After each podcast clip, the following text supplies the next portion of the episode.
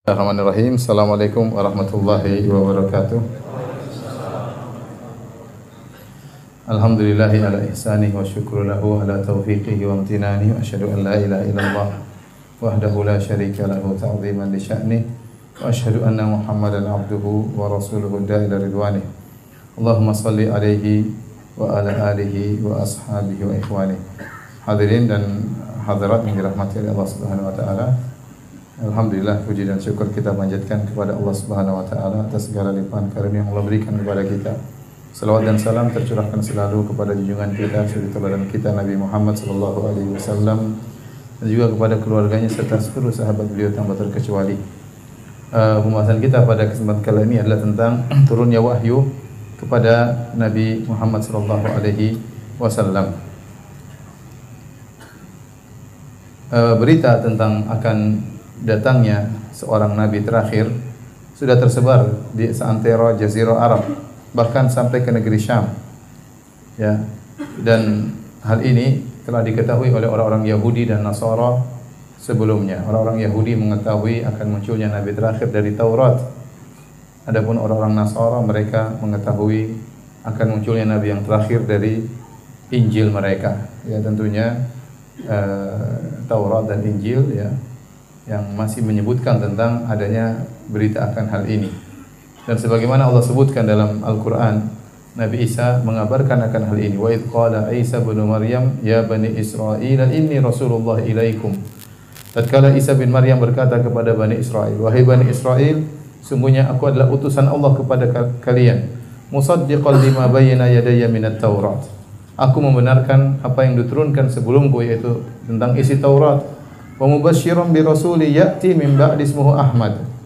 Dan aku beri kabar gembira kepada kalian tentang seorang rasul yang akan datang setelahku namanya adalah Ahmad. Falamma ja'ahum bil bayyinati qalu hadza sihrun mubin. Namun tatkala Rasulullah SAW datang kepada mereka dengan uh, bayinat, dengan hujah yang kuat, mereka berkata ini adalah sihir yang nyata.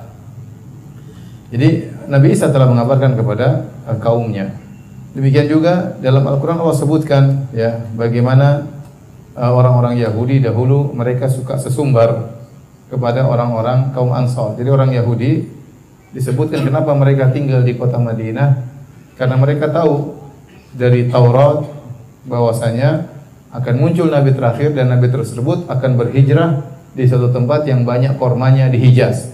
Sehingga mereka sengaja tinggal di kota uh, Madinah dan mereka berkonsentrasi di kota Madinah. Sehingga terkumpullah di sana tiga suku besar kabilah ya Qainuq Bani Qainuqa kemudian Bani Nadir dan Bani Quraidah. Tiga kabilah Yahudi besar mereka sengaja tinggal di kota Madinah.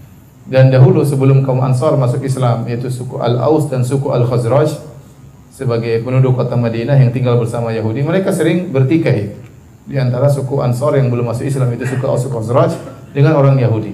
Kalau terjadi pertikaian, orang Yahudi sering mengatakan, nanti sebentar lagi akan datang Nabi dan kami akan bersama Nabi tersebut menghabisi kalian. Selalu orang Yahudi bilang begitu, sesumbar. Tatkala terjadi e, pertempuran di antara mereka, sengketa di antara mereka, orang Yahudi sering ngomong, nanti akan muncul Nabi terakhir, kami bersama Nabi tersebut akan menghabisi kalian. Tatkala dan ini sering didengar oleh kaum Ansor. Begitu Nabi tersebut muncul, yang beriman kaum Ansor, Yahudi tidak beriman. Makanya Allah sebutkan dalam surat Al-Baqarah walamma ja'ahum kitabun min indillahi musaddiqun lima ma'ahum wa kanu min qablu yastaftihuna 'ala alladhina kafaru. Padahal mereka orang Yahudi dahulunya sering sesumbar bahwasanya kami akan menang, kami akan menang terhadap orang-orang kafir.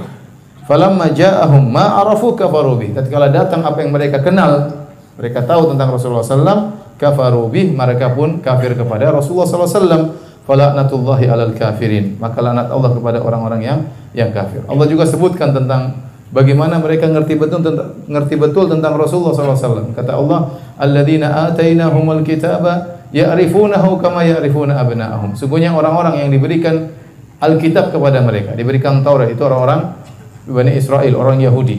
Ya'rifunahu kama ya'rifuna abna'ahum. Mereka kenal betul Rasulullah sebagaimana mereka mengenal anak-anak mereka. Allah beri gambaran yang sangat luar biasa. Orang-orang Yahudi mengenal Rasulullah seperti mengenal anak-anak mereka. Kita kalau punya anak, kita kenal betul anak kita. Bagaimana ciri-ciri fisiknya, apa kesukaannya, mainnya di mana, teman-temannya siapa. Jadi mereka kenal betul, mereka tahu Rasulullah SAW fisiknya seperti apa, kemudian hijrahnya ke mana, mereka tahu. Seperti mengenal anak-anak mereka. Tetapi begitu datang Rasulullah SAW, mereka tidak beriman. Sebabnya cuma satu, gara-gara ternyata Nabi terakhir tersebut bukan dari Bani Israel. Mereka hasad dan min indi. Mereka hasad. Padahal telah datang kebenaran, telah jelas kebenaran bagi mereka, mereka hasad mereka menyangka nabi-nabi seluruhnya dari Bani Israel karena sebelumnya Nabi Isa, kemudian Nabi Musa, nabi-nabi seluruhnya dari Bani Israel. Begitu nabi terakhir, ternyata Allah tutup dengan nabi dari Arab. Dan Allah sudah menurunkan nabi dari Arab sebelumnya seperti Nabi Saleh, Nabi Hud dan uh, Nabi Shu'aib. Ini Arab. Jadi nabi yang Arab ada empat. Saleh, uh, Hud, Saleh, Shu'aib dan Muhammad sallallahu alaihi wasallam. Jadi bukan hal yang baru Allah menurunkan seorang nabi, mengutus seorang nabi dari Arab. Namun mereka menyangka bahwasanya nabi terakhir juga dari Bani Israel karena sebelum Nabi Muhammad seluruhnya nabinya Bani Israel. Nabi Daud, Nabi Musa, Nabi uh, Isa, Nabi Yusuf, Nabi Daniel, Nabi Ayub, semua Bani Israel.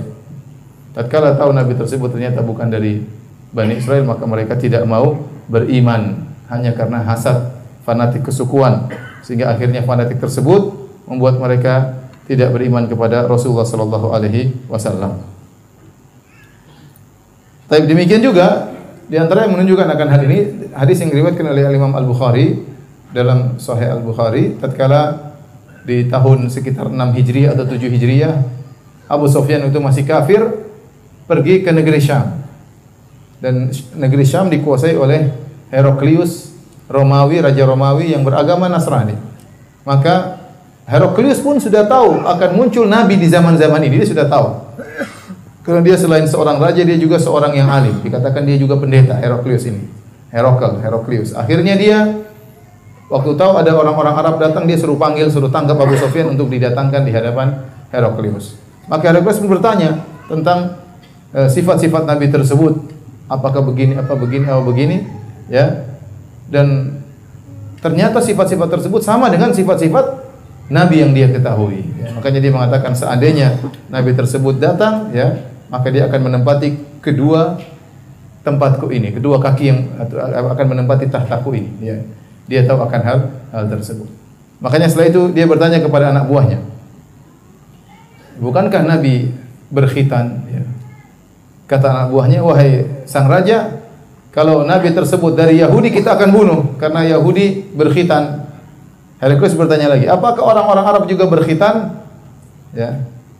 Kata mereka, tidak tahu, tahu-tahu ada seorang Arab didatangkan, kemudian diperiksa ternyata orang Arab memang juga apa? Berkhitan. Jadi ternyata yang berkhitan bukan cuma orang-orang Yahudi, orang Bani Israel, bahkan orang Arab juga berkhitan. Dan di antara ciri Nabi terakhir adalah diutus pada kaum yang berkhitan.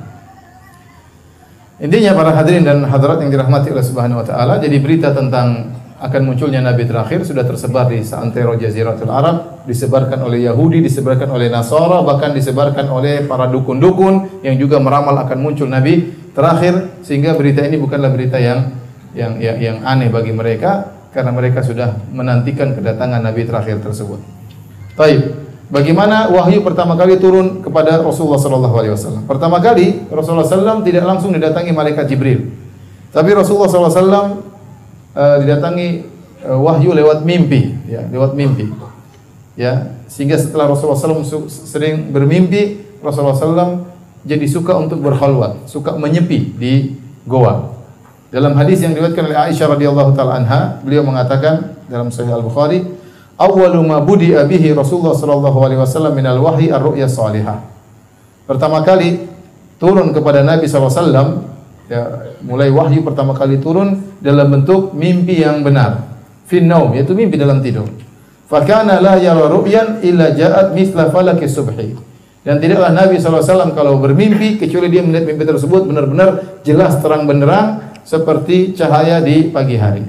Sering seorang bermimpi tidak jelas ya, melihat orang tidak jelas, tahu-tahu di tempat ini tiba-tiba pindah tempat lain, tahu-tahu melihat kondisi yang aneh-aneh, tapi mimpinya Nabi tidak demikian. Mimpinya Nabi SAW melihat dengan sangat sangat jelas.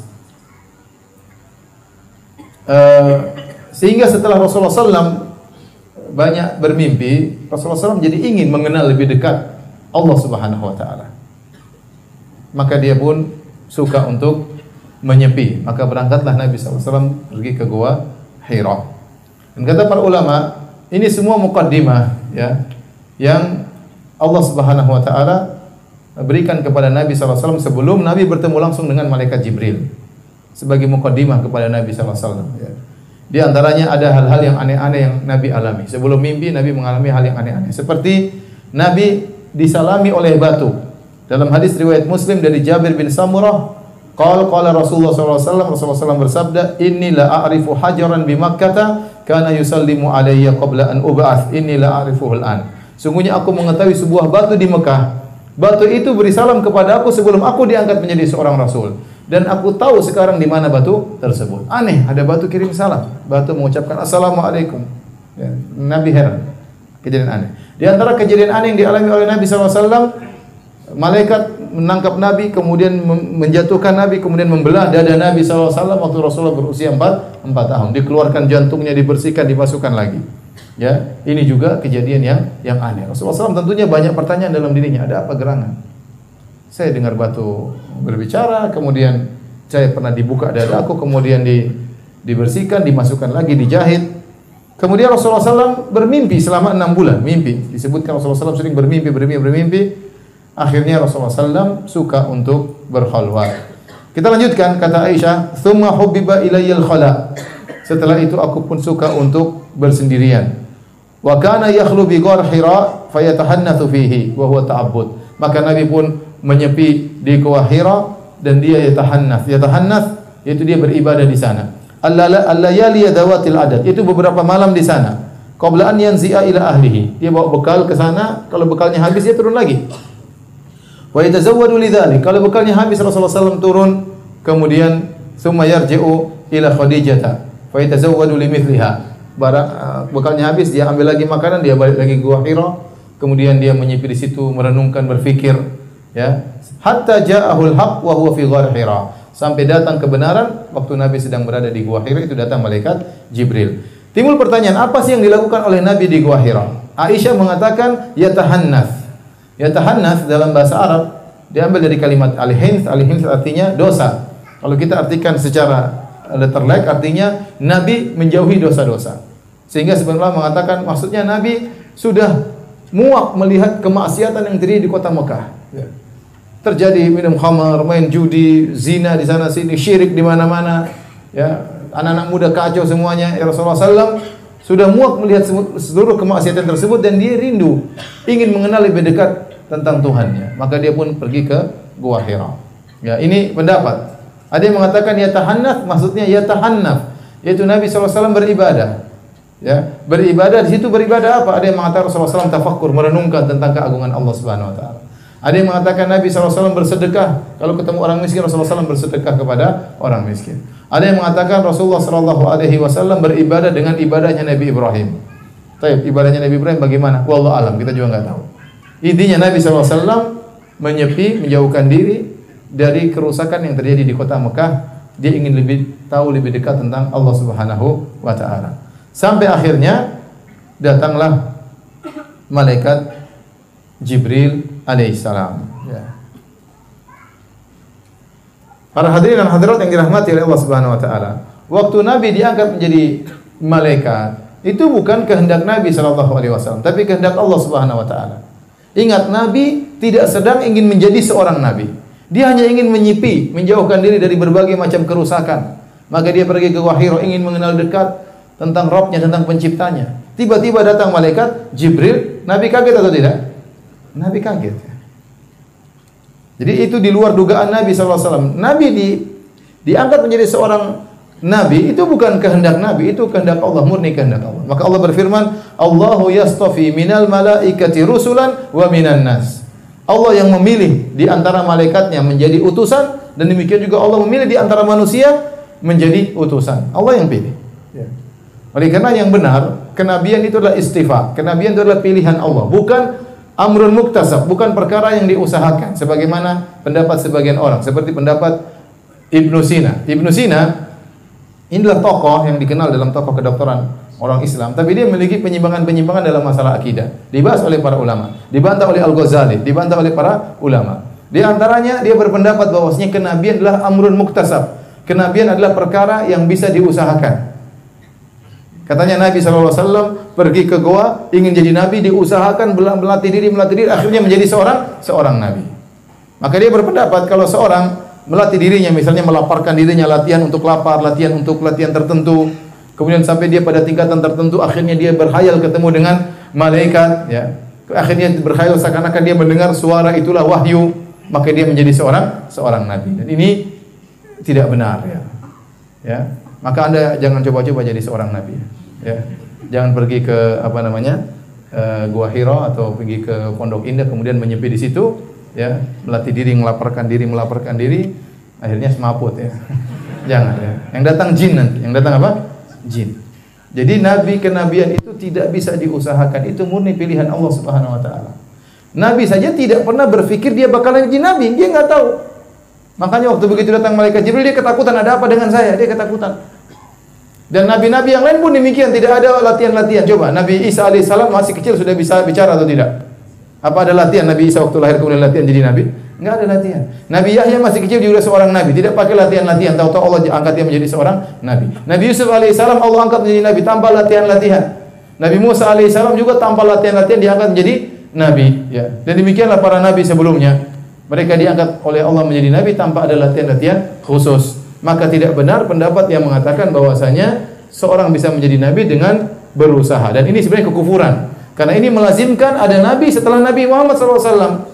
Ya, berarti nabi terakhir bukan Nabi SAW, masih ada nabi-nabi yang yang lain. Tergantung seorang berusaha melatih diri akhirnya nanti dia menjadi seorang nabi. Di antara mereka ada yang praktekan, dia pergi menyepi, melatih diri sampai dia tunggu kapan ada yang berkata kum fa'anzir ya. Bangun dan berilah peringatan. Enggak ada yang ngomong-ngomong sampai sampai mati pun tidak ada.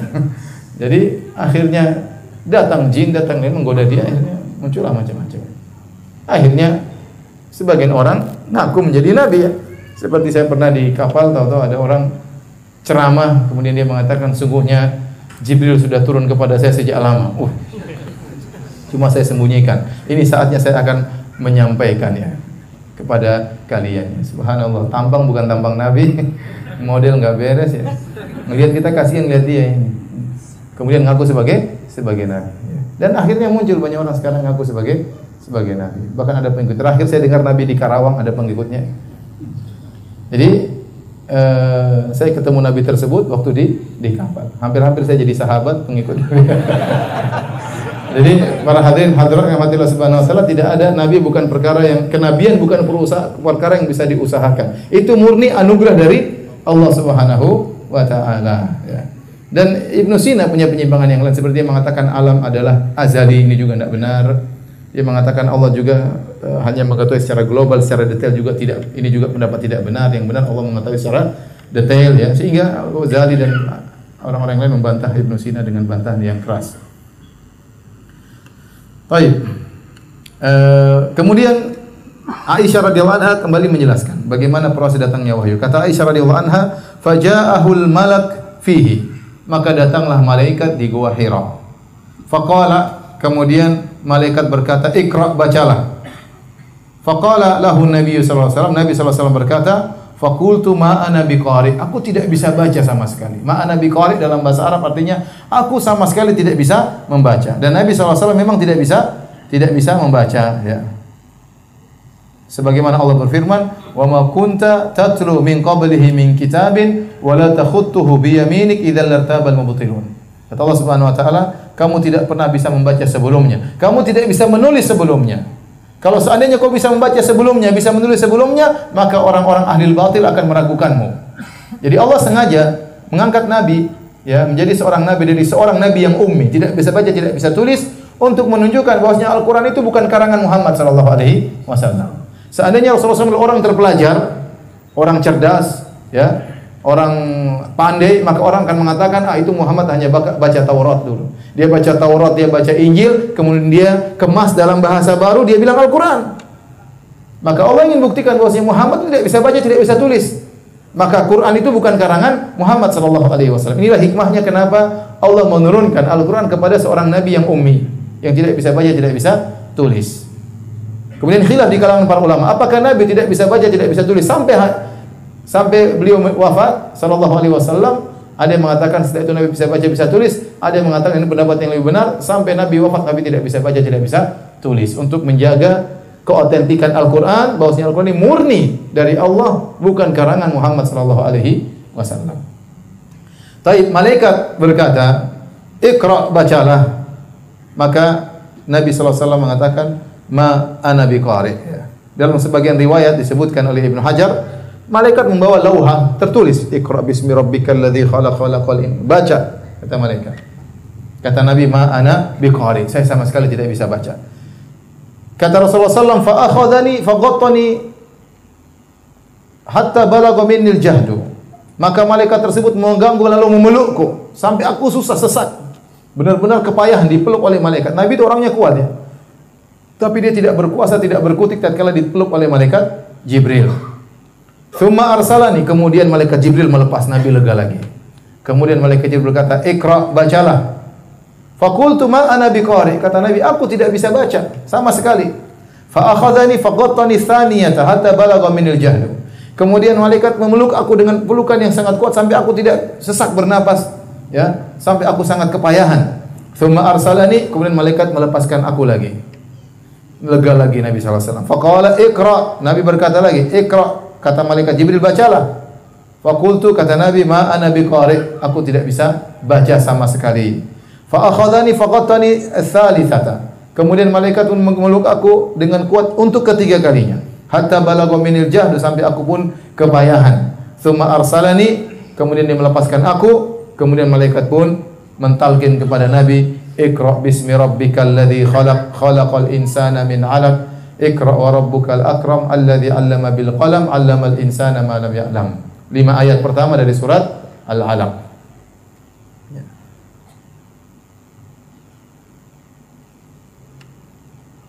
Baik. Hadirin dan hadirat yang dirahmati oleh Allah Subhanahu wa taala, maka tatkala itulah Nabi diangkat menjadi seorang seorang nabi ya. Di mana? Di gua Gua Hira. Tapi ingat uh, tidak perlu kita mencari keberkahan di Gua Hira. Benar, di situ pertama kali turun ayat kepada Nabi di Gua Hira. Namun Gua Hira tidak kemudian dijadikan tempat untuk ziarah orang ke sana kemudian mencari keberkahan Mungkin ada yang ingin nongkrong di situ ya. ya jawabannya tidak. Nabi tidak pernah naik, naik lagi ke Gua Hira untuk kedua kalinya. Paham? Dan para sahabat tidak ada yang naik ke Gua Hira untuk nongkrong di Gua Hira. Adapun kalau kita ke Gua Hira hanya untuk napak tilah sejarah nggak ada masalah. Tapi jangan meyakini kalau kita duduk di situ kita baca Iqra bismi rabbikal ladzi khalaq enggak ada. Enggak ada. Sama seperti kata Ibnu Katsir, sebagian orang berusaha mencari di mana posisi Goa Al-Kahf yang Allah sebutkan tentang ya, sebagian pemuda yang tidur di sana selama 309 tahun. Kata Ibnu Katsir, Allah tidak menyebutkan di mana gua tersebut dan Nabi juga tidak pernah menyebutkan di mana gua tersebut. Seandainya gua tersebut berkah, pasti Nabi akan sebutkan. Nabi akan beri motivasi agar orang mencari gua tersebut. Maka tidak perlu mencari tahu di mana gua tersebut dan tidak perlu meyakini bahwasanya gua tersebut punya keberkahan tertentu. Ini perkataan Ibnu Katsir dalam tafsirnya. Ya, maka seorang tidak perlu berusaha payah kemudian ingin ya kalau hanya napak tilas tidak apa-apa. Tapi kalau meyakini kita masuk di gua tersebut, coba kita tidur di gua tersebut, ngapain? Siapa tahu nggak bangun 309 tahun repot. Pulang-pulang semua sudah berubah. Ya. Baik, setelah kejadian tersebut, kata Aisyah radhiyallahu taala anha, faraja'a biha tarjufu bawadiruhu. Maka Nabi pun pulang sambil gemetar bawadiru ini tulang apa? Eh, daging di sini antara leher dengan pundak di sini gemetar. Rasulullah SAW ketakutan. Hatta dakhala ala Khadijah. Sampai Rasulullah SAW ketemu dengan Khadijah. Biasanya Rasulullah SAW pergi berapa hari, bekal habis pulang ketemu Khadijah. Kemudian minta bekal lagi, pergi lagi. Sudah habis bekalnya turun lagi. Berulang-ulang. Kali ini pulang ketakutan. Dan Khadijah radhiyallahu anha subhanallah, wanita yang sangat saleh. Ya. Wanita yang sangat saleh. Waktu suaminya minta bekal untuk ke gua dia tidak ngapain ke gua-gua terus, Mas. Enggak. Dia bikin makanan udah pergi. Pulang lagi habis minta bekal dia udah pergi aja. Dia tidak protes-protes. Mas ini pulang-pulang aja, pulang mengambil makanan, balik lagi. Ngas ngapain aja sih mas? Ya, tahu suaminya ingin menyendiri dalam kondisi tertentu, dia kasih bekal, nah ada banyak komentar. Itu istri yang apa? Solehah. Mudah-mudahan istri antum Khadijah Khadijah semua. Aminnya kurang keras. Kemudian waktu Rasulullah SAW ketemu dengan Khadijah, Rasulullah SAW gemetar, Rasulullah SAW mengatakan, Zammiluni, zammiluni, selimuti aku, selimuti aku. Dalam sebagian riwayat, kata Rasulullah SAW, Subbu alaya bima'in barid. Tuangkan air kepadaku. Rasulullah gemetar. Ah, maka Aisyah pun, uh, Khadijah pun mengambil air, ya, kemudian menyiramkan air ke Nabi SAW. Ya. Kemudian Aisyah uh, Khadijah radhiyallahu anha pun mengambil selimut fazammaluhu menyelimuti Nabi sallallahu alaihi wasallam hatta dhahaba anhu raud diselimuti dan tidak diajak ngomong tenang sampai hilang ketakutan dari dada Nabi sallallahu alaihi wasallam ya. Ini saya katakan lagi bagaimana solehnya Khadijah. Waktu Nabi mengatakan, "Selimuti selimuti aku, selimuti aku." Khadijah tidak berkata, "Ada apa? Ente kenapa? Kenapa?" Cerita dulu, cerita dulu. Sebentar, ada apa? Enggak. Langsung dibilang ngambil selimut, nurut, tidak banyak omong. Mesti suaminya suruh ambil selimut, selimuti sampai suaminya tenang. Baru dia berbicara dengan apa? Dengan suaminya tersebut. Faqala ya Khadijah mali. Kata Rasulullah, "Ya Khadijah, ada apa denganku?" Wa akhbaru hal khabar. Maka Nabi pun bercerita tentang Khadijah kepada Khadijah tentang apa yang dia alami. Datang tadi seorang tahu-tahu meluk dia, kemudian dengan kuat sampai sak napas dilepas tiga kali suruh baca. Ya. Kemudian Rasulullah SAW berkata, "Wa qad khasyitu ala nafsi." Sungguhnya aku khawatir sesuatu menimpa diriku. Ini disampaikan oleh para ulama. Apa yang ditakutkan oleh Nabi SAW? Ada yang mengatakan Nabi takut dia gila. Kenapa boleh melihat makhluk aneh? Dari mana tiba-tiba muncul begitu kuatnya memeluk Nabi ini dari mana? Orang gila kan sering lihat aneh-aneh. Ya. Nabi takut dia gila. Atau Nabi takut dia bakalan mati. Ini kayaknya ada musibah yang akan menimpaku. Apa yang saya alami ini? Ya. Nabi takut gila, Nabi takut sakit, Nabi takut mati, Nabi takut macam-macam. Laqad khasyitu ala nafsi. Sungguh saya khawatir sesuatu yang buruk menimpa diriku. Faqalat lahu, saat itulah peranan seorang istri yang soleha. Maka Khadijah radhiyallahu anha pun menenangkan suaminya dengan berkata, "Kalla abshir, fa wallahi la yukhzikallahu abada." Sekali-sekali tidak wahai suamiku, kau tidak akan tertimpa dengan perkara yang perlu kau takutkan. Abshir bergembiralah. Fa wallahi la yukhzikallahu abada. Demi Allah, Khadijah yang bersumpah untuk menenangkan suaminya. Demi Allah, Allah tidak akan menghinakan engkau selamanya. Kenapa? Innaka latasirur rahim. Kau suka menyambung silaturahmi. Wa tasduqul hadis. Kau selalu jujur dalam berkata. Wa tahmilul kalla. Kau selalu membantu orang yang kesusahan. Wa taqrid dhaif. Engkau selalu menjamu tamu. Wa tu'inu ala nawaibil haq dan engkau membantu orang terkena musibah. Orang sepertimu ini tidak bakalan dihinakan oleh Allah Subhanahu wa taala. Inilah istri yang soleha seperti ini. Kalau suaminya lagi terkena sesuatu kesedihan, maka dia tenangkan jiwa suaminya. Ya. Dia tenangkan jiwa suaminya. Bukan malah membuat suaminya gelisah. Iya mas, jangan jangan mas, jangan ya. Nah, ketakutan ya, jangan. Ya. Tenang tenang mas, tenang tenang, ditenangkan ya. Sebagian orang pulang dari kantor marah-marah, istriku, aduh, Abu Fulan tuh kurang ajar di kantor gini-gini. Saya istrinya bilang, istrinya juga begitu mas, tambah emosi. Jadi jangan begitu ya. Jadi istri yang tenang, istri yang baik jangan memprovokasi suaminya. Tenangkan ya jiwa suaminya. Timbul pertanyaan, Khadijah ini ngomong dalil atau bukan? Dia bukan pakai dalil. Dia saja nabi saja baru jadi nabi.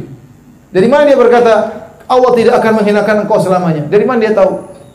Jawabannya kata Ibnu Ibnu Hajar rahimahullah bil istiqra, yaitu Khadijah mengamati kondisi manusia di zamannya atau berita-berita dari manusia-manusia terdahulu, namanya orang-orang kalau ber, suka berbuat baik sama orang lain tidak bakalan dihinakan oleh Allah Subhanahu wa taala.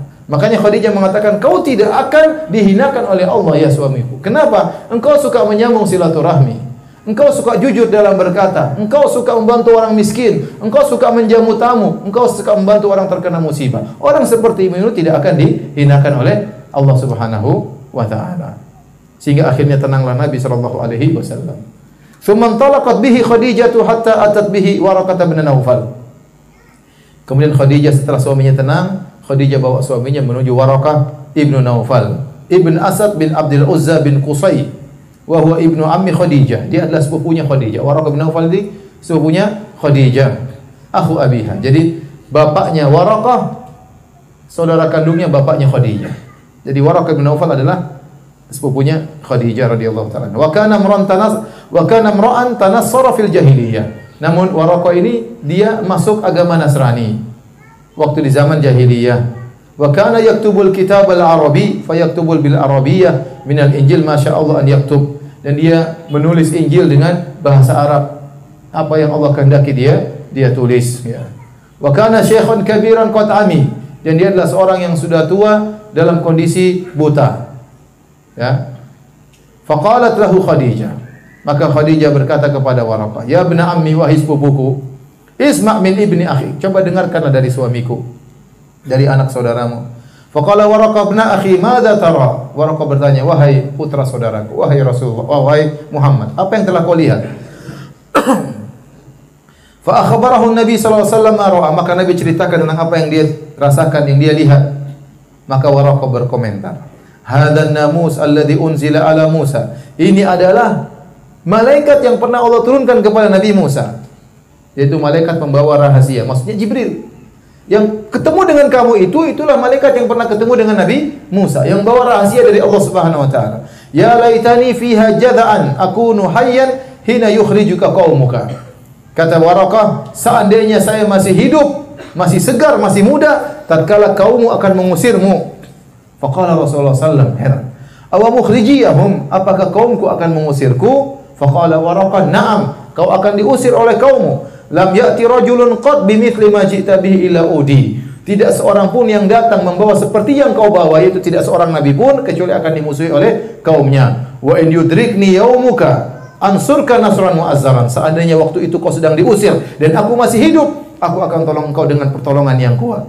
Thumma lam yanshab waraqatu antufiya. Namun tidak lama kemudian Waraqah pun meninggal dunia. Kata para ulama Waraqah termasuk dari Al-Ahnaf. Al-Ahnaf itu orang-orang yang masih berada dalam tauhid meskipun di tengah-tengah kejahiliahan. Meskipun orang terjerumus dalam berbagai macam kesyirikan, mereka orang-orang tidak pernah berbuat kesyirikan. Di antaranya Waraqah bin Naufal. Di antaranya Muhammad sallallahu alaihi wasallam. Di antaranya beberapa orang sampai ada buku khusus judulnya Al-Ahnaf yaitu orang-orang yang hidup di zaman jahiliyah namun mereka tidak melakukan kesyirikan. Fitrah mereka menolak itu semua. Di antaranya Waraqah ibnu Naufal. Jadi dia masih beragama Nasrani, Nasrani yang yang lurus, belum menyimpang, belum Nasrani yang yang syirik. Taib.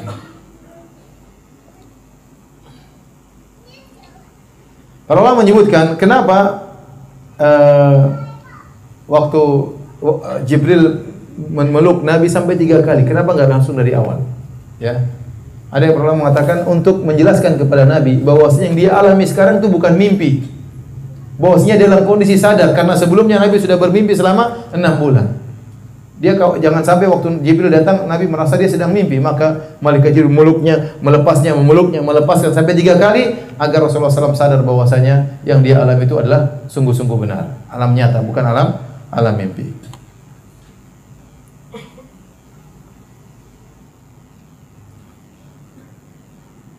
Dan kita dari sini kita tahu bahwasanya Waraqah adalah orang yang pertama yang membenarkan Nabi sallallahu alaihi wasallam. Lelaki pertama yang membenarkan Nabi SAW adalah Waraqah bin Naufal. Dan Rasulullah SAW kabarkan bahwasanya Waraqah di surga ya. Ya Rasulullah SAW mengatakan la tasubbu Waraqah, janganlah kalian uh, mencaci maki uh, Waraqah. Sungguhnya aku melihat Waraqah Ibnu Naufal berada di di surga. Fa inni ra'aitu lahu jannatan aw jannatain. Aku melihat dia diberikan oleh Allah satu surga atau dua surga. Ini dalil bahwasanya Waraqah bin Naufal masuk surga.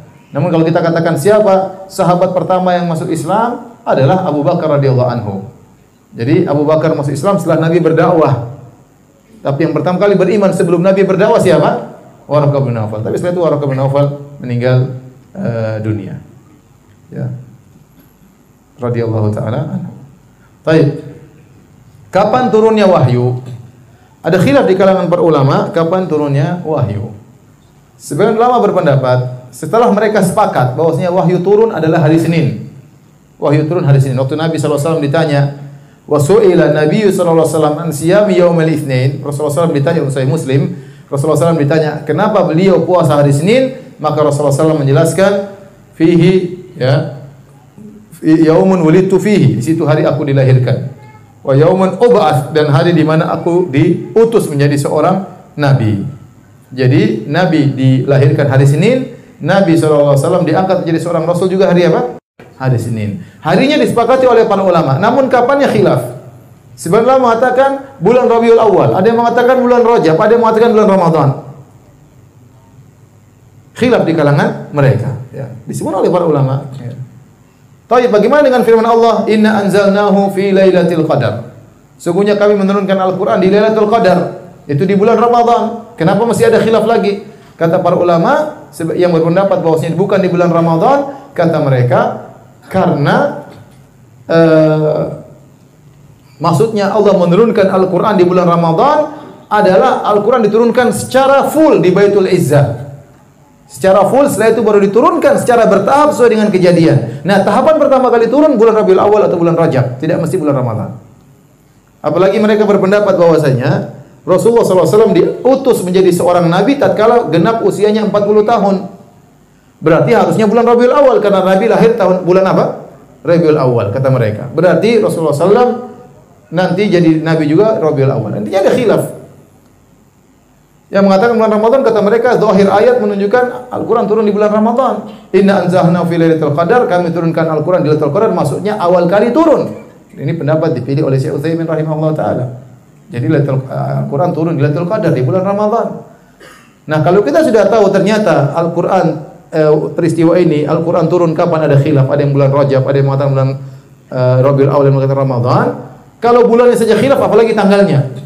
Apalagi tanggalnya. Oleh karenanya menentukan tanggal 17 Ramadan sebagai malam nuzulul Quran ini tidak ada dalilnya. Kalau kita bicara secara dalil, tidak ada dalilnya. Ya. Kalau kita berpendapat Al-Quran turun bulan Ramadan, justru dikatakan dalam Al-Quran Lailatul Qadar, Lailatul Qadar kita tahu 10 malam terakhir. Harusnya tanggal 21 ke atas, malam 21 ke atas, bukan malam 17 atau bulan malam bukan hari tanggal 17. Wallahu a'lam bishawab. Eh, tidak dijelaskan dengan pasti kapan turunnya Al-Quran. Ya. Namun sebenarnya berpendapat kejadian tersebut waktu Rasulullah SAW didatangi malaikat Jibril adalah bulan uh, bulan Ramadan. Ya. Ada yang mengatakan bulan Rajab, ada yang mengatakan bulan Rabiul Awal. Wallahu alam bisawab. Baik, kita bisa mengambil banyak faedah dari kisah ini. Uh, pertama, Nabi Shallallahu Alaihi Wasallam tidak berusaha menjadi seorang nabi, tapi kenabian adalah pilihan dari siapa? Dari Allah Subhanahu wa taala. Kemudian yang kedua, pentingnya memiliki istri yang solehah, tempat berbagi, tempat curhat ya. Maka bapak-bapak jangan suka curhat sama istri orang ya. Ibu-ibu juga jangan suka curhat sama suami orang. Berusaha curhat kepada pasangan hidup kita. Kalau kita bisa simpan sendiri itu baik, tapi terkadang seorang tidak kuat untuk menyimpannya sendiri. Dia ingin melepaskannya kepada orang lain dan itu akan meredakan uh, kesedihan yang dia alami. Maka kalau dia ingin melepaskan sebagian kesedihannya, ingin curhat, maka pilihlah orang yang tepat. Di antaranya pasangan hidupnya. Ya. Latih diri untuk curhat kepada istri-istri yang soleha. Ada masalah ini, istri kemudian beri petunjuk, beri masukan kepada suaminya. Istri juga demikian. Bukan kemudian curhat di media sosial, di medsos. Curhat di status ya. Ada masalah dengan suami, tulis di status. Suami yang soleh begini-begini, suami yang buruk begini-begini. Supaya suaminya baca. Orang tanya ini istri, kenapa tulis kayak gini? Suami juga begitu, nulis istri yang begini begini begini, istri yang bejat begini begini. Maksudnya dia nyindir istrinya. Jadi serang-serangan di media sosial ngapain ya? Nanti serang-serangan di kamar aja, nggak perlu serang-serangan di media sosial. Akhirnya ada masalah dengan keluarga, bikin status ganti lagi gambar profilnya, ganti picturenya, ganti lagi, ganti lagi, hati lagi terpotong lah, hati lagi tertusuk lah, hati lagi. Ya, ngapain seperti itu? Aib keluarga artinya disembunyikan, bukan untuk diumbar. Kalaupun kita punya masalah, yang terbaik adalah curhat kepada Allah. Sebagaimana Yakub alaihissalam berkata, Innama ashku bathi wa ila Allah. Sungguhnya aku hanya mengeluhkan kesedihanku kepada Allah Subhanahu wa taala, tidak kepada yang lainnya. Tapi tidak semua orang bisa demikian. Semua setiap sebagian orang ingin ngobrol, ingin menyampaikan kegelisahannya. Kesilakan, tapi jangan sembarang orang. Pilih orang yang soleh atau yang soleha sebagai teman untuk curhat. Kemudian tadi bahwasanya orang yang senantiasa berbuat baik, sering membantu orang lain, sering bersedekah jujur, tidak akan dihinakan oleh Allah Subhanahu wa taala. Dan dia akan meraih husnul khatimah. Dari Abu Umamah radhiyallahu taala anhu Rasulullah SAW bersabda, "Sana'iul ma'ruf taqi masari as-su." Ketahuilah bahwasanya perbuatan-perbuatan baik kepada orang lain akan mencegah seorang dari kebinasaan yang buruk. Oleh karenanya kalau Anda ingin meraih husnul khatimah, sering berbuat baik sama orang orang lain. Sering berbuat baik sama sama orang lain. Allah insya Allah berikan husnul khatimah. Saya berbicara tentang seorang yang saya tahu ya dari kerabat saya. Dia jarang sholat, hampir nggak pernah sholat.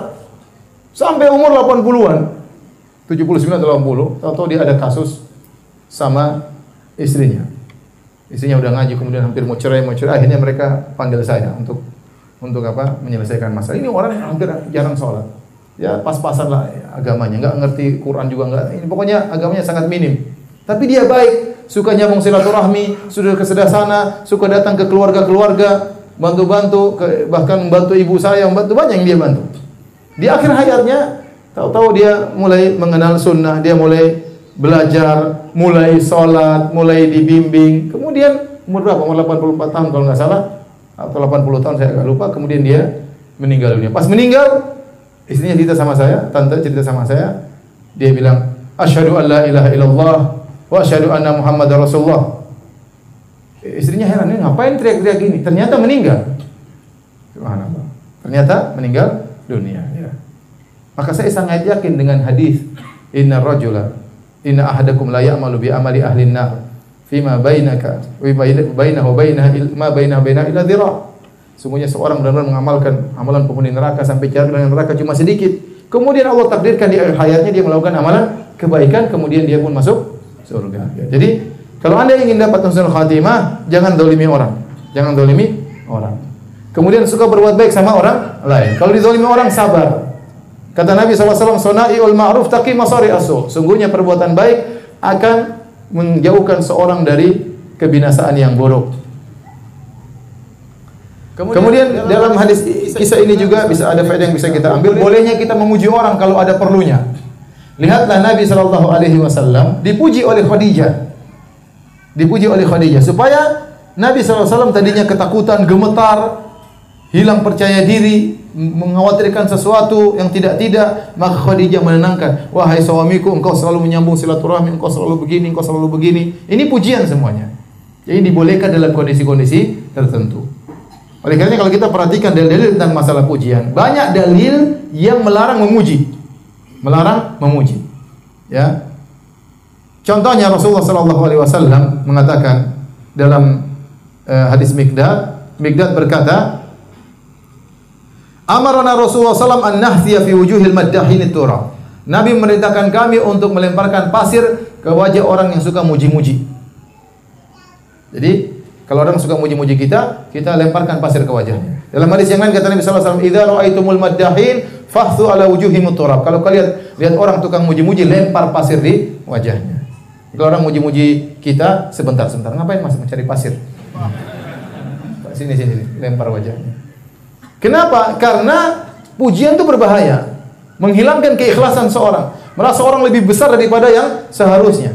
Tadi dia pakai topi, topinya nggak cukup lagi karena kepalanya jadi besar. Makanya Rasulullah SAW, ya, waktu ada orang memuji-muji kepada sahabat yang lain, maka Rasulullah SAW mengatakan, Waiha, kotok ta'unu ke sahibik. Celaka engkau, engkau telah memotong apa? leher saudaramu. Rasulullah yaqulu miran, ulang ulang kau telah membunuhnya, kau telah membunuhnya. Ya, maka kata Rasulullah SAW, Inkana ahadukum madihan. Kalau seorang di antara kalian ingin memuji, la mahala, dan dia memang harus memuji, yakul. Maka begini cara memuji kata Nabi. Ahsibu kada wa kada. Bilang aja menurutku, orang ini begini-begini. Wa inkana yura annahu kadzalik. Menurutku demikian demikian. Wa hasibu Allah. Allah yang lebih tahu tentang dirinya. Kalaupun kau harus memuji, pujilah caranya demikian. Wala yuzakki 'ala Allahi ahadan dan jangan seorang mendahului Allah dalam memuji. Anda memuji orang lihat zahir Anda tidak tahu isi hatinya bagaimana. Nah kalau Anda pun harus memuji, Anda bilang tadi, menurut saya, ah, engkau begini-begini, dan Allah lebih tahu tentang dirimu. Kalaupun Anda harus memuji. Kalau bisa tidak perlu memuji. Karena tadinya ada orang ikhlas, gara-gara Anda puji, akhirnya dia jadi ria, jadi sombong, jadi angkuh. Contoh, ada ustadz habis ceramah. Terus tanya sama murid, eh gimana tadi ceramah saya? Nanti, uh mantap ustadz, mantap. Uh. Ustadz langsung, oh begitu ya? Uh. Terbang melayang ustadznya. Bilang bilang aja biasa aja Ustaz. Alhamdulillah mudah-mudahan bermanfaat Ustaz. Mudah-mudahan orang ngamalkan Ustaz. itu jangan jangan malah muji ustaznya sehingga ustaznya melayang-melayang ya. Ini, ini tidak baik akhirnya ustaznya setiap kali ngisi pengajian tanya lagi gimana tadi? Gimana tadi? Ingin dipuji sama muridnya. Jadi dan ini bahaya. Lihat di medsos sekarang, di medsos orang nukil pujian orang tentang dirinya. Nih, ini nih si fulan puji saya, dia posting. Ustadz fulan puji saya, dia posting sebagai itu namanya nanti puji diri sendiri. Ngapain ente nukil pujian orang terhadap diri ente? Akhirnya saling muji-mujian tebar di medsos. Saya muji ini, ngapain saling puji-pujian ya? Allah lebih tahu tentang aib-aib kita.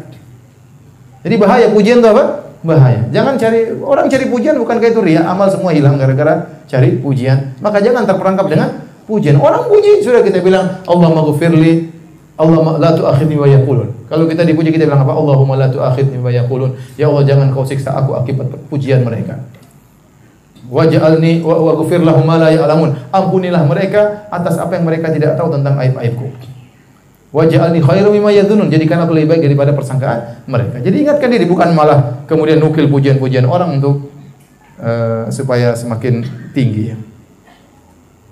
Tetapi kata para ulama, kalau dalam kondisi tertentu kita boleh muji. Seperti tadi orang nggak pede, ada anak kita malah sekolah, dia merasa goblok, dia kamu pintar nak Ya, kamu buktinya game menang terus.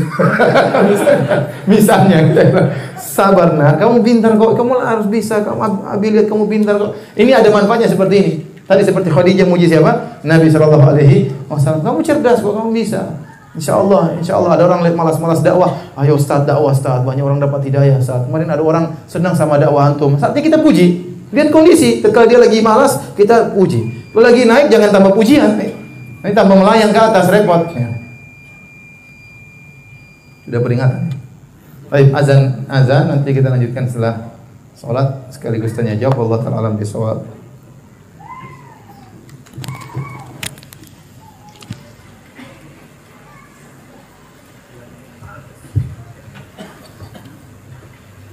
Allahu Akbar Allahu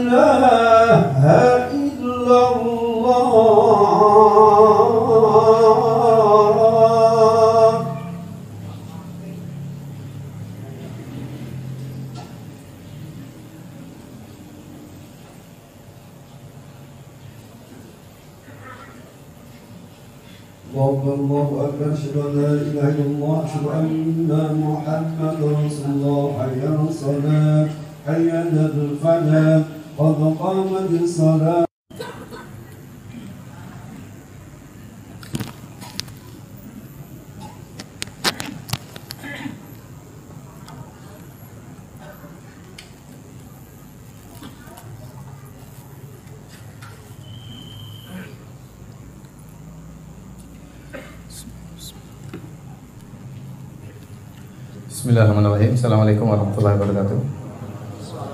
Alhamdulillah salatu wassalamu ala Rasulillah wa ala alihi wa sahbihi wa ala.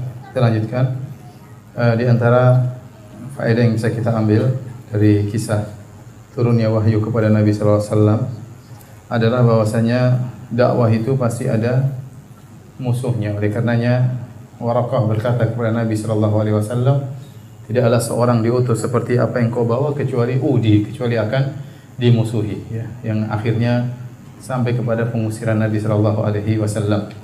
Dan Allah telah menegaskan hal ini dalam surat Al-Furqan ayat 31, "Wa kadzalika ja'alna likulli nabiyyin aduwwan minal mujrimin." Dan demikianlah kami jadikan bagi setiap seorang nabi musuh dari orang-orang yang jahat. Ya. Kemudian juga dalam ayat yang lain surat Al-An'am, "Wa kadzalika ja'alna likulli nabiyyin likulli nabiyyin aduwwan syayatinal insi wal jinni yuhi ba'dhum ila ba'dhin zukhrufal qawli gurura." Dan demikianlah kami jadikan bagi setiap nabi musuh dari kalangan syaitan manusia maupun syaitan jin yang mereka saling membisikkan di antara mereka perkataan-perkataan yang indah untuk menipu manusia. Jadi kita tatkala berdakwah ya tidak tidak mencari musuh, jangan mencari musuh. Tetapi suatu merupakan uh, tabiat dan konsekuensi dakwah bahwasanya pasti ada yang mengganggu, pasti ada yang menghalangi. Apalagi jika kita ternyata uh, menghalangi manusia dari syahwat mereka, menghalangi manusia dari hobi mereka mengharamkan perkara yang sudah mereka gandrungi setiap hari, tentu kita akan di, dimusuhi atau di dicaci maki itu suatu perkara yang yang sudah pasti. Tidak ada orang berdakwah kecuali pasti akan dicerca ya. Maka seorang hendaknya bersabar ya. Oleh karenanya tatkala Luqman menyampaikan nasihat kepada putranya, "Ya bunayya aqimis salata wa'mur bil ma'rufi wanha 'anil munkar wasbir 'ala ma asabak." Dia berkata, "Wahai putraku, dirikan salat dan serulah kepada kebaikan dan laranglah dari kemungkaran. Kemudian kata beliau, wasbir ala ma dan sabarlah terhadap apa yang menimbamu. Kata para ulama karena beramar ma'ruf nahi mungkar pasti akan uh, menimbulkan gangguan ya dan tatkala kau ditimpa dengan gangguan maka uh, bersabarlah. Dan seorang dai harus bertakwa kepada Allah Subhanahu wa taala. Tugas dia berdakwah bukan mencari masa, mengikuti keinginan manusia. Kalau manusia ingin ini maka dia halalkan, ya jangan. Dia menyampaikan apa yang disuruh oleh Rasulullah sallallahu alaihi wasallam meskipun itu bertentangan dengan hasrat dan syahwat manusia, ya. Dia sampaikan kebenaran apa pun yang terjadi. Adapun hanya mencari pengikut, mau bilang ini haram takut nanti ditinggal oleh uh, apa namanya pengikutnya maka ini dai yang berdakwah kepada cari masa bukan mencari keridhaan Allah Subhanahu wa taala. Kemudian di antara faedah yang bisa kita ambil tentang beratnya diusir dari kampung sendiri atau tentang cinta kepada kampung sendiri. Dalam sebagian riwayat, Waraqah berkata kepada Nabi sallallahu alaihi wasallam, "La tukadzibannahu." Sungguh orang-orang Quraisy ya kepada Khadijah kata dia, sungguh orang-orang Quraisy akan mendustakan Muhammad dan Nabi diam waktu dikatakan demikian. Kemudian kata Waraqah lagi wala tu'dhiyannahu. Sungguh orang-orang Quraisy akan menyakitinya. Rasulullah SAW diam, tidak komentar. Tatkala sampai pada perkataan yang ketiga Waraqah berkata, wala tukhrijannahu. Sungguh orang-orang Quraisy akan mengusirnya dari negerinya. Maka Rasulullah SAW komentar, awa mukhrijiyahum, apakah mereka akan mengusirku? Sebagian ulama berpendapat ini dalil bahwasanya terusir dari kampung sendiri adalah perkara yang berat. Ya, bahwasanya Nabi sangat cinta kepada kota kelahirannya, kota Mekah. Ya, Nabi merasa berat diusir dari kaumnya. Oleh karena di antara ujian yang berat bagi Nabi, dia harus meninggalkan kampung halamannya. Yang di situ penuh dengan berbagai macam nostalgia yang indah. Sejak kecil dia di situ, tumbuh dan besar di negeri tersebut, dia mengembalakan kambing di situ, ketemu dengan Khadijah di situ, anak-anak lahirnya di situ. Situlah negeri pamannya, negeri bapaknya, negeri kakeknya, negeri moyangnya. Kota Mekah tahu-tahu dia diusir dari kota kota Mekah, ya. Maka ini perkara yang sangat berat bagi Nabi sallallahu alaihi wasallam ya. Oleh karenanya eh, para ulama menyebutkan ini di antara ujian yang besar yang dialami oleh Rasulullah. Makanya waktu Rasulullah SAW berhijrah, Rasulullah SAW bukan gembira-gembira berhijrah, tidak. Tapi dia bersedih. Maka dia berkata kepada Mekah, kata beliau, "Ma atyabaki min balad, sungguh baik engkau wahai kota Mekah. Wa ahabbaki ilayya, sungguh engkau adalah kota yang paling aku cintai. Walaula anna qaumi akhrajuni minki, kalau bukan kaumku mengusirku dariku darimu, masa tu ghairaki, aku tidak akan pindah ke tempat yang lain. Dalam riwayat yang lain Nabi berkata, "Wallahi innaki la khairu ardillah." Wallahi demi Allah wahai Mekah engkau adalah negeri yang terbaik. Wa habbu ardillah ila Allah dan negeri yang paling dicintai oleh Allah. Walaula anni ukhrijitu minki ma kharajtu. Kalau aku tidak diusir darimu, aku tidak akan pergi meninggalkan engkau. Maka Nabi cinta kepada negeri dan saya ingatkan bahwasanya cinta kepada negeri adalah perkara yang fitrah. Setiap orang cinta kepada negerinya ya. Eh bagaimana tidak cinta kepada negeri dia dari negeri tersebut lahir di negeri tersebut orang tuanya mbahnya moyangnya semuanya negeri tersebut ya, maka seorang berusaha cinta kepada negeri dan menjaga negerinya dengan baik apalagi saya katakan tanah air kita tanah air kita adalah negeri yang harus kita cintai Kenapa? Karena negeri ini kebanyakan yang tinggal orang-orang kaum muslimin. Kalau kita menjaga negeri ini berarti kita menjaga kaum kaum muslimin. Jangan sampai timbul perpecahan, sampai timbul kekacauan. Jangan sampai timbul chaos. Kalau kita ikut ikut andil dalam timbulnya chaos tersebut berarti kita akan menanggung dosa yang sangat berat, ya. Apalagi negeri ini diperoleh dengan perjuangan para pahlawan yang rata-rata orang-orang Islam, yang rata-rata memperjuangkan negeri dengan takbir. Rata-rata pahlawan orang-orang? Orang Islam. Rata-rata penjajah orang-orang kafir, ya.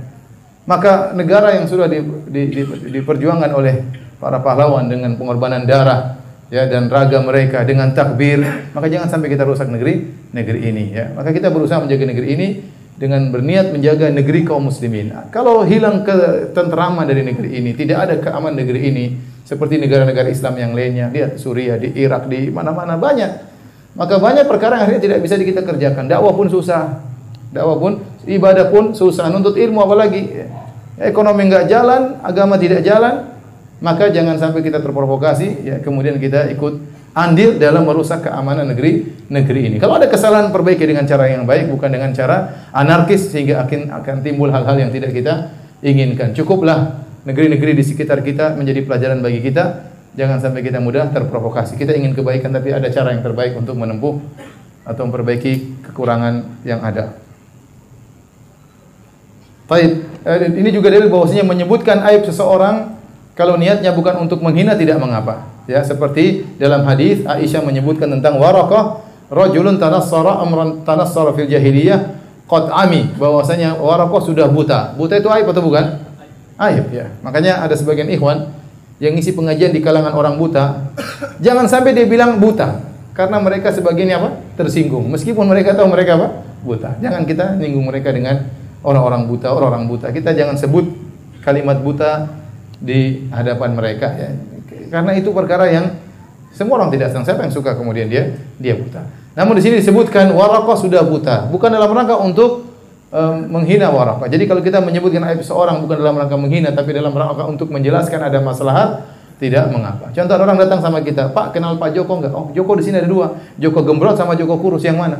Ini sudah sama aib gembrot sama kurus sama-sama aib. Oh Joko yang gembrot, yang gembrot juga ada dua. Yang pincang sama yang menghina lagi. Enggak, ini dalam rangka untuk bukan menghina tapi untuk apa? Membedakan tidak mengapa. Baik, demikian saja. Insya Allah kita lanjutkan pada kesempatan yang lain. Ya, ini ada pertanyaan kalau bisa dijawab dijawab.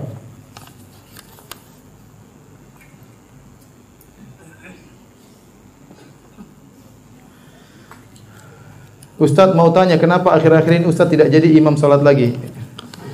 Perasaan baru sekarang tidak jadi imam sholat. Kemarin-kemarin sholat jadi imam.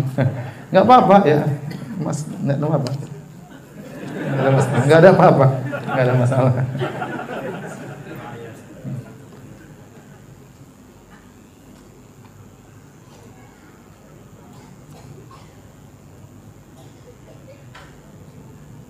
Ustaz, apakah dalil khusus tentang zaman fatrah kekosongan kenabian dari Nabi Isa ke Rasulullah? Karena pertemuan sebelumnya dikisahkan Khadijah mengajak Rasulullah bertemu dengan saudaranya Naufal, Waraqah bin Naufal yang masih mengikuti ajaran Nabi Isa.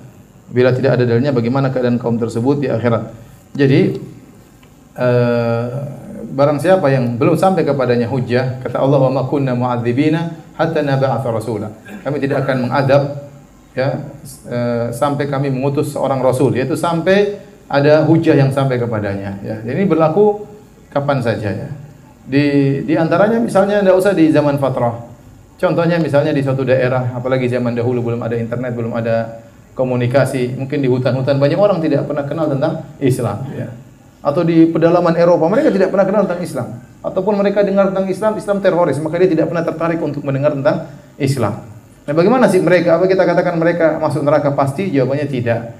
Kita katakan mereka di dunia hukumnya kafir karena mereka bukan orang Islam. Tapi di akhirat urusan Allah, Allah akan menguji mereka dengan cara yang Allah kehendaki. Semoga datang dalam hadis ya, Allah akan menguji mereka dengan cara Allah Subhanahu wa taala ya.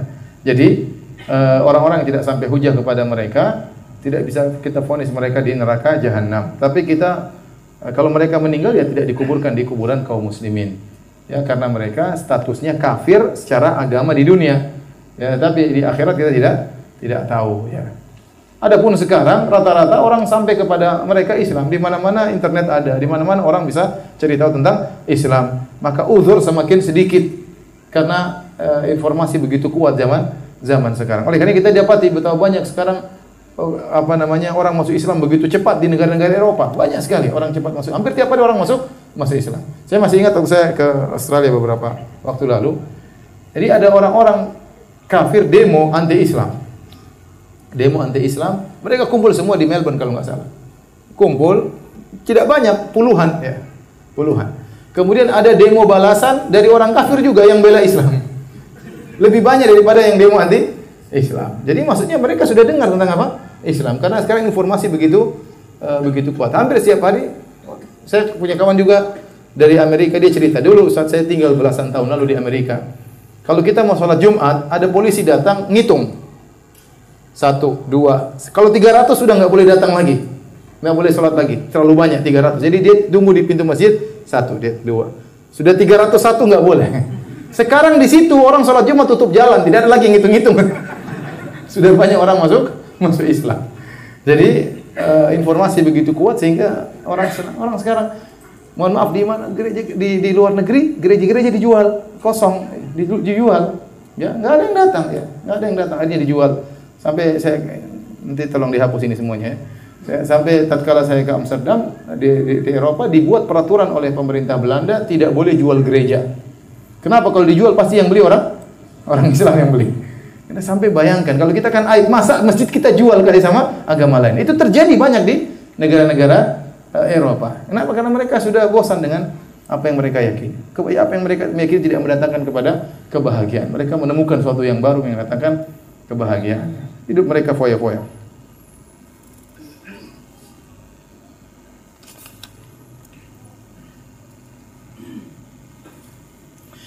Ustadz di luar tema, siapa nama ibunda Nabi Yusuf? Konon namanya Rahil. Konon namanya apa?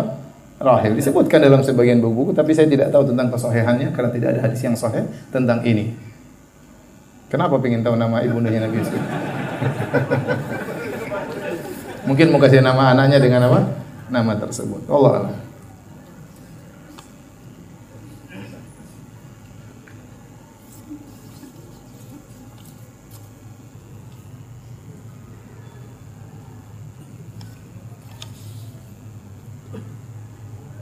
Apa referensi buku Sirah Nabawiyah yang sesuai dengan kebenaran? Saya rasa yang bagus yang saya terjemahkan dua buku. Pertama judulnya Rahikul Makhtum, Rahikul Makhtum karangan Sofi Rahman Al Mubarak Furi. Ini buku sederhana bagus untuk dibaca. Sirah intinya itu-itu aja. Cuma mungkin pemaparannya, mungkin faedahnya. Yang kedua buku judulnya Fiqh Sirah juga sudah diterjemahkan dari uh, dari penerbit Pustaka Darus Sunnah. Itu juga bagus. Ya, dia ihtimam perhatian tentang faedah-faedah yang bisa diambil dari sirah. Jadi kita baca sirah bukan hanya baca cerita, tapi setelah itu disebutkan faedah pertama, faedah kedua, faedah ketiga, faedah keempat dan saya banyak mengambil faedah dari uh, dari buku tersebut. Banyak buku-buku yang lain tapi masih dalam bahasa Arab. Hmm. Makanya belajar bahasa Arab. Ya, di antaranya seperti Asirah An-Nabawiyah Sahih karangan Dr. Akram Al-Umari itu bagus itu jadi dua jilid dan itu jadi uh, kurikulum kita di Universitas Islam Madinah waktu saya kuliah hadis waktu S1. Jadi uh, banyak buku-buku yang lain tapi masih dalam bahasa Arab.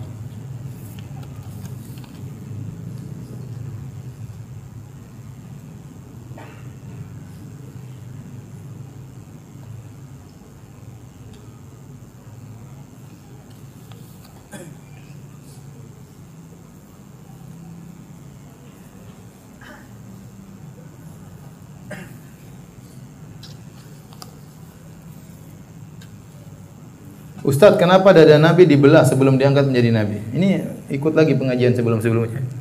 Sudah pernah saya jelaskan ya. Merojaah ya. Tanya langsung Ustaz. Hah? Sebentar, sebentar lagi ya. Mengapa yang masuk Islam pertama kali Abu Bakar bukan Khadijah? Kalau Khadijah yang pertama kali masuk Islam secara mutlak dari secara mutlak dari kalangan wanita maupun laki-laki. Tapi kalau laki-laki yang pertama kali masuk Islam, kita bedakan. Yang sebelum Nabi berdakwah siapa? Waraqah. Setelah Nabi berdakwah siapa? Abu Bakar ya.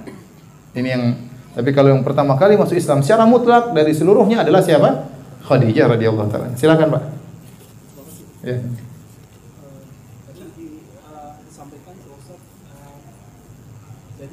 Pada saat Rasulullah itu Rasulullah itu menerima wahyu itu dalam dia eh, dia itu dalam kondisi yang tidak nyaman. Jadi dia itu uh, dalam kondisi yang tidak nyaman, bisa dalam keadaan yang ketakutan atau dalam riwayat lain um, uh, dia gemetar atau dalam riwayat lain dia mengeluarkan keringat sampai sebesar biji jagung dan seterusnya. Nah, uh, saya melihatnya Al-Quran itu kan ada 6.600 sekian ayat ya. Kalau setiap Rasulullah menerima ayat itu dalam keadaan yang begitu tidak nyaman, jadi betapa menderitanya Rasulullah selama itu ya. 6.600 sekian ayat dan setiap menerima ayat kondisinya seperti yang saya sebutkan tadi. Tidak. Jadi eh Belum selesai. oh, belum selesai. Itu pertanyaan pertama. Wih. yang kedua, Uh, pertanyaan kedua, uh, tadi uh, saya juga menyebutkan uh, bagaimana uh, yang dihadapi oleh para nabi yang diutus Allah kepada kaumnya. Kita lihat seperti Nabi Nuh, Nabi Lut, Nabi Hud dan seterusnya sampai ke Nabi Muhammad SAW. Mereka itu diselamatkan oleh Allah dari kezaliman kaumnya. Tapi ada yang luput untuk diselamatkan seperti Nabi Yahya yang dipenggal kepalanya, Nabi Zakaria yang dibelah tubuhnya. Terus kita melihatnya di sini apakah ibror yang bisa diambil dari case ini? Apakah itu tentunya kita tidak tidak menurunkan status kenabiannya ya dengan dia dipenggal dan seterusnya. Tapi kita pengen memahami kenapa Allah tidak menyelamatkan uh, Yahya, tidak menyelamatkan Zakaria dari dari uh, apa namanya uh, Gangguan umatnya. itu. Ya. Terus kemudian yang ketiga, 3A. yang ketiga. Nanti saya lupa pertanyaannya Tadi, kebanyakan. tadi, tadi saya cemas, Ustaz. Eh, apa namanya? uh, Ustaz bilang memuji itu begini dan begitu ya, harus dilempar uh, uh, buruk sekali ya. Sementara saya rajin dan sangat mudah memuji anak-anak saya. Tadi, tadi- tadi sudah dijawab ya. Iya. Karena tujuannya adalah Motivasi. untuk mengencourage mereka untuk setiap uh, prestasi-prestasi kecil saya rajin memuji mereka dan. Tapi sudah terjawab. Jadi saja. Iya, sudah. Terima kasih. Jadi yang pertama, Nabi SAW dapat wahyu bukan cuma satu model. Ya, bisa dalam mimpi, bisa dengan malaikat membacakan, tidak harus keringat. Jadi tidak selalu dalam bentuk apa? Keringat. Jadi eh, wahyu ada beberapa eh, cara Allah memberikan wahyu. Di antaranya malaikat membacakan. Ya. Seperti tadi, Iqra bismi rabbikal ladzi khalaq, itu Nabi kaget aja. Tapi tidak ada peristiwa apa? Keringat. Ya ada peristiwa yang Nabi terdiam kemudian keluar keringat meskipun musim dingin. Itu terjadi. Jadi Allah mengasihkan beberapa model. Tentu ada hikmah yang Allah kehendaki. Ada yang mengatakan agar Nabi benar-benar konsen ya bahwa ini benar-benar wahyu ya dan uh, disebutkan oleh para ulama. Jadi tidak semua ayat seperti itu. Tidak semua ayat seperti itu. Eh, kalaupun dikatakan Nabi menderita, ya, itu ujian bagi Nabi. Nabi diuji dalam kehidupannya. Dari awal sudah jadi penggembala kambing, yatim, karena surganya paling tinggi. ya. Anaknya meninggal seluruhnya, kecuali Fatimah terakhir. Ya. Dan mbak dilempar oleh kaumnya, diusir oleh kaumnya, dihina dengan tuduhan yang tidak-tidak. Dan demikianlah Nabi hidupnya penuh dengan apa? Ujian. Kata Nabi SAW, asyadun nasi bala'an al-anbiya. Orang yang paling banyak ujiannya adalah para Nabi. Thumma salihun, kemudian orang soleh. Thumma al-amsal fal-amsal, kemudian yang selanjutnya dan selanjutnya. Jadi memang Nabi begitulah kehidupannya penuh dengan ujian. Karena kita bukan nabi maka ujiannya apa? Sedikit. Oh, ujian sedikit merasa besar itu saja. Ada orang datang saya diuji apa ujiannya? Ah gitu aja udah banyak orang diuji seperti itu. merasa berat. Padahal cuma gitu-gitu aja ya. Baik. Ya, yang kedua tadi masalah nabi ya. Eh, saya Allah alam saya belum baca perkataan para ulama ya tentang masalah tersebut. Tapi memang di antara sifat-sifat orang Yahudi wa qatlahumul anbiya. Mereka membunuh para para nabi ya. Mungkin Allah menghendaki para nabi mendapatkan ajar syahadah ya, mati syahid ya. Ya menunjukkan bahwasanya terkadang uh, kebenaran ya uh, terkadang dikalahkan namun ujung-ujungnya akan datang kemenangan. Seperti Nabi Shallallahu Alaihi Wasallam. Nabi SAW pernah kalah dalam perang perang Uhud. Seandainya Nabi pasti menang terus, maka tidak ada ujian. Orang semua akan masuk Islam kalau begitu. Makanya di kata para ulama dibuatlah terkadang Nabi kalah. Demikian juga dalam peperangan terkadang kaum muslim menang, terkadang apa? kalah. Agar bahwasanya ini ujian. Antum beriman kepada ayat, kepada dalil, tidak mesti harus menang terus. Kalau selalu menang terus, semua orang akan masuk Islam. Semua orang masuk Islam. Tanya, kenapa orang Islam sekarang begini? Kita pernah jaya, sekarang kita lagi terpuruk. Kenapa kita tidak kembali kepada Al-Quran dan Sunnah? Banyak bermaksiat yang makan riba berapa orang, yang berbohong banyak orang, berapa banyak yang meninggalkan sholat, atau banyak percaya dukun, atau banyak masih banyak kemaksiatan. Ya.